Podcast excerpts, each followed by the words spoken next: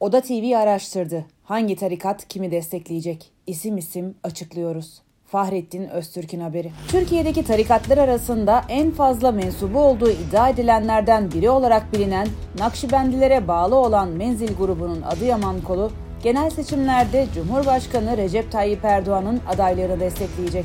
Ancak tarikatta bölünme var. İki kardeş arasındaki şeyhlik kavgası devam ediyor. Tarikatın Adıyaman kolunun adayı belliyken Eskişehir kolunun kimi destekleyeceği konusunda net bir açıklama yok. İki kardeşin birbiriyle mücadele halinde olduğu da biliniyor.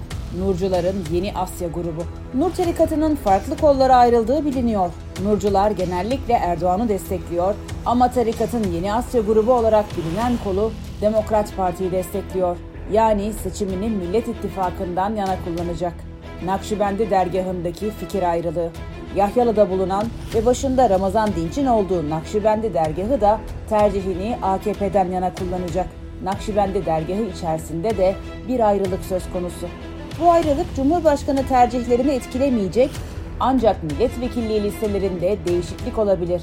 Bu ayrılık AKP içerisinde yeniden Refah Partisi'ne bölünmelere neden olacak şeklinde yorumlanıyor. Süleymancılarda fikir uyuşmazlığı. Nakşi eğilimli tarikatlardan biri olan Süleymancılar da ikiye bölünmüş durumda. Süleymancıların büyük bir kısmı İyi Parti ve Demokrat Parti'yi destekliyor. Fikir ayrılığı yaşayan kesim ise Cumhurbaşkanı tercihlerini henüz açıklamadı.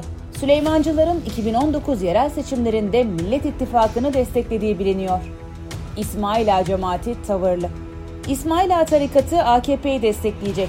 Tarikat Saadet Partisi'ne karşı ciddi bir tavır aldı. İsmail Ağa içerisinde yeniden Refah Partisi destekçileri de var. Erenköy cemaatinde ortak destek. Erenköy tarikatı Cumhurbaşkanlığı seçiminde hem Cumhur'u hem de milleti destekleyecek.